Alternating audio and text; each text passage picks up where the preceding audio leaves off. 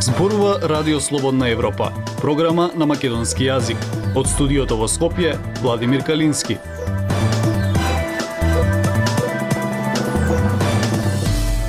Како ВМРО ДПМН поднесе нова иницијатива за референдум во собранието, сметаме дека и таа ќе биде отфрлена бидејќи на таков начин функционира парламентот откако председател е Талат Джафери, вели пратеникот и координатор на пратеничката група на ВМРО ДПМН Никола Мицевски во неделното интервју на Радио Слободна Европа. Тој вели дека опозицијата пред пет години била под полициска хајка и затоа тогаш не собирала подписи за поништување на договорот со Бугарија.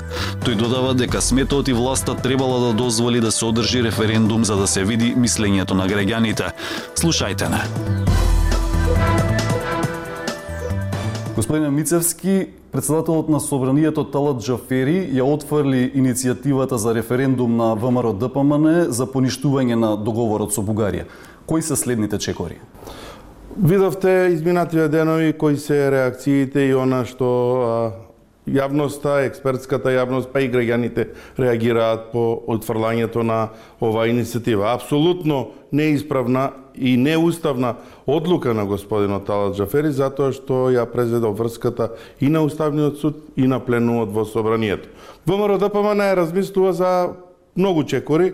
А, видовте дека и да поднесеме во моментов нова иницијатива, а, начинот на кој што функционира собранието откако председател на истото е господинот Джафери е таков каков што е, истата повторно ќе биде отфрлена и ние во наредниот период размислуваме за се она. Единствено жалам што граѓаните немаа можност да како а, како највисока форма на изразување во државата да го кажат својот глас по однос на овој референдум.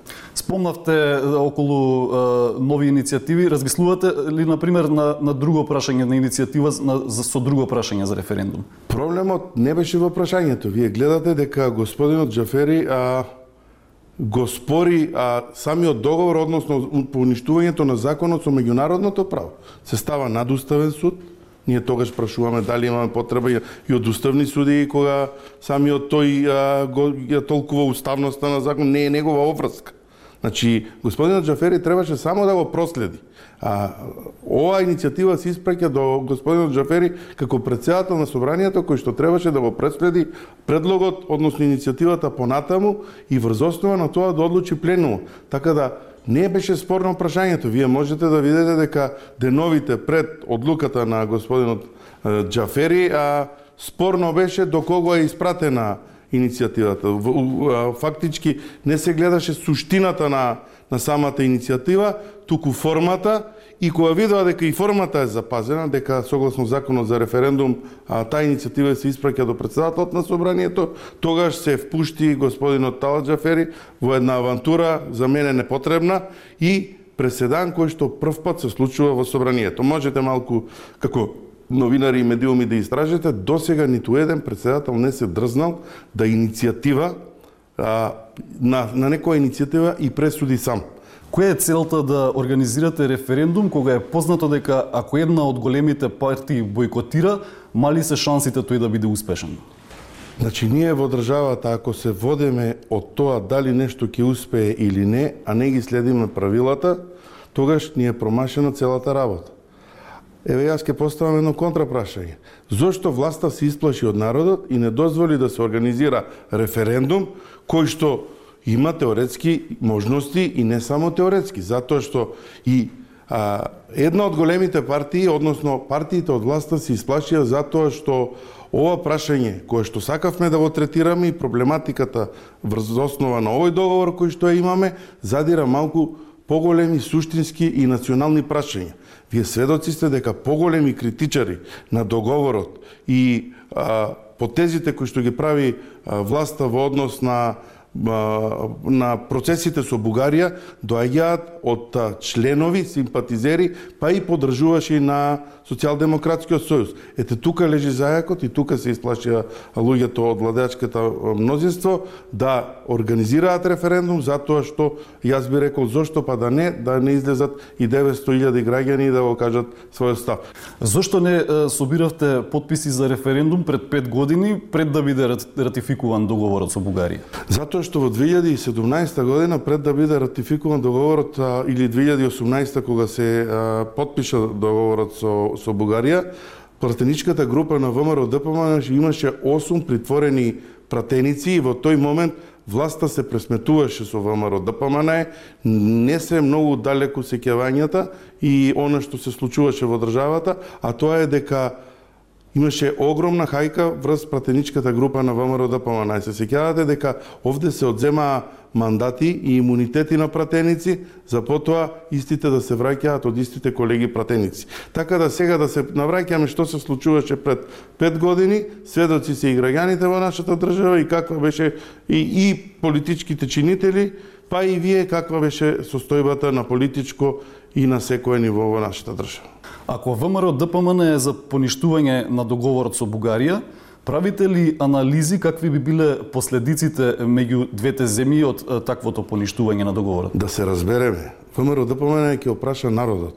Народот е за поништување, а ВМРО ДПМН е работи во интерес на граѓаните. Не настапува како политичката елита која што имаме во моментот во државата, заскриена за 64 пратеници од мнозинството кои што ги има, не комуницирајќи со јавноста, не знаејќи што се случува околу нив и одработувајќи одредена агенда позната само за нив. Несвојствено ми е, несвојствено ми е да не го прашате народот и не барате подршка. Зошто сте против внесувањето на бугарите во уставот? Апсолутно не сме против внесувањето на бугарите во, во уставот. Значи ние го кажавме нашиот став. Меѓутоа има многу работи во договорот, пред се од самиот договор кој што е основа на сите асимилаторски и негаторски а, претензии на соседна држава кон нас. Нека се решат сите спорни прашања по однос на тоа, Апсолутно не сме против бугарите и не само бугарите, туку и другите за внесување во УЗО. Меѓутоа, ние не завршуваме тука со проблемите, еве, доколку сакате да кажете отварање на уставот и внесување. Ние имаме одредена преговарачка рамка, каде што билатерален проблем, кој што се појави годиниве од подпишувањето на тој фамозен договор за, со Бугарија за добро соседство и соработка, се јавува како проблем. 2007-2008 година Бугарија влегува во Европската Унија. При влез во Европската Унија подпишува документ дека нема нерешени прашања со, со, со соседите. Од каде сега излегуваат овие прашања, проблеми или комисии кои што решаваат одредени прашања кои што нас не тангираат. Како тоа до 90-те години немаше проблеми со Бугарија по однос на одредени прашања, а сега еве гледаме низ држава минативе денови комисија помеѓу двете држави решава одредени прашања. Се решаваше средниот век, сега одиме на решавање на друг период, па ќе дојдеме до Илинденското востание. Тука се проблемите кои што произлегуваат. И ниту, ниту некој може да ме убеди дека ова се последните пречки кои што доаѓаат од страна на од страна на нашиот сосед за жал.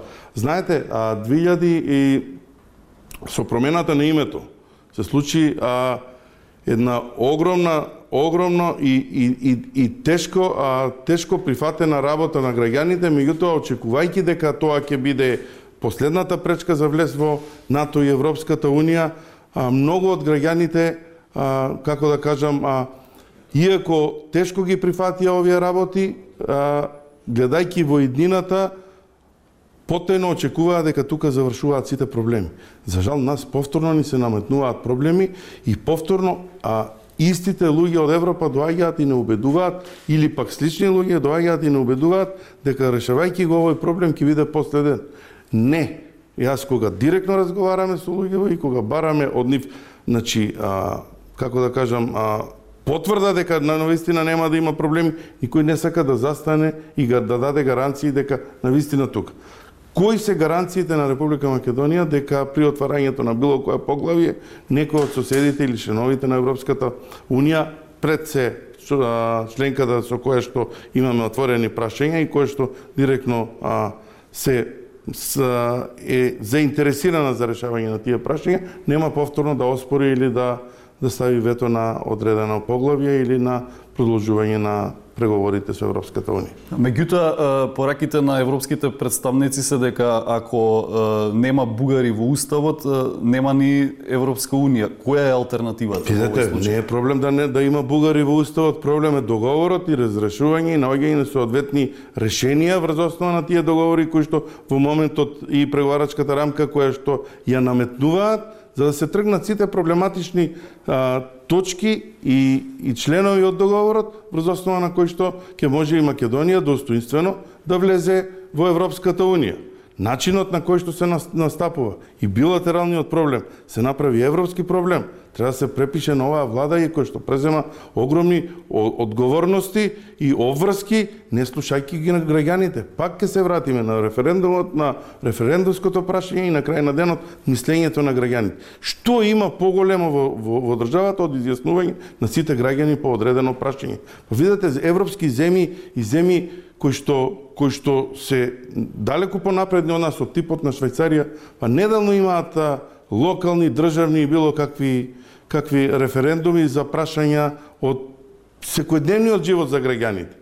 Ние тука за најголемото прашање, за, за прашање од национален интерес на македонските граѓани во државата, не успеваме да изнајдеме начин и можност да ги прашаме граѓаните. Жално, жално, но тоа е државата во која што живееме во изминативе пет години. Зошто не организиравте референдум за договорот со Грција? Затоа што тоа е меѓународен договор и таму имаше посредништво. И повторно ќе се вратам на периодот кога ВМРО ДПМН беше нападната како политичка партија од сите страни. Да не заборавите, една четвртина или 25% од пратениците беа однесени во притвор во тој период.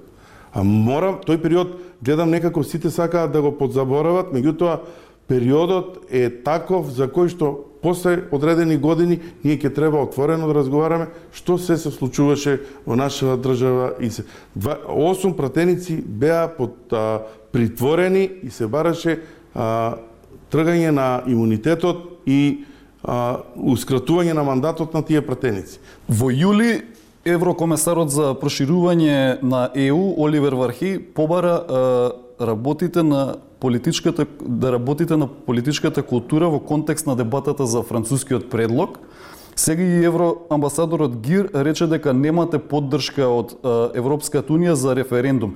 Како ги сваќате овие пораки од меѓународната заедница? Јас сум пратеник во Собранието на Република Македонија, изгласан од граѓаните од изборна единица 3, на кој што прво ќе ги слушнам нивните апели, нивните барања и ќе реагирам врз основа на тоа што тие го бараат од мене. Пратеник сум на ВМРО да ДПМН, е политичка партија која што во статутот на партијата пред 30 години има напишано дека Европската Унија и НАТО се целите кон кои што ќе се стремиме. Меѓутоа ќе се стремиме врз основа на приоритетите и она што проставуваат правила за сите во државата. Сите држави кои што влегува во периодот на проширување околу 2000 година па до да речам до сега, влегува врз основа на Копенхашките критериуми. А, целта на ВМРО да ДПМН и моја лична е почитување на Копенхашките критериуми и подигање на нивото на свеста врз основа на тие критериуми на државата и на граѓаните во неа. Владење на правото, доверба во судството, намалување на корупцијата, намалување на криминалот. Кога ќе си ја сработиме домашната работа, ќе влеземе и во Европската Унија и ќе бидеме земја која што ќе може да оди напред. Инаку, а, ова што се пораки пратени од еврокомесарот Гири, од Вархеј, комесарот за проширување, имавме пораки ние и од еврокомесарот Хан, кој што е еврокомесари сега во моментот, меѓутоа за друга работа, дека решевајќи го а, прашањето со Грција, завршуваат проблемите на Македонија во Европската Унија и во НАТО.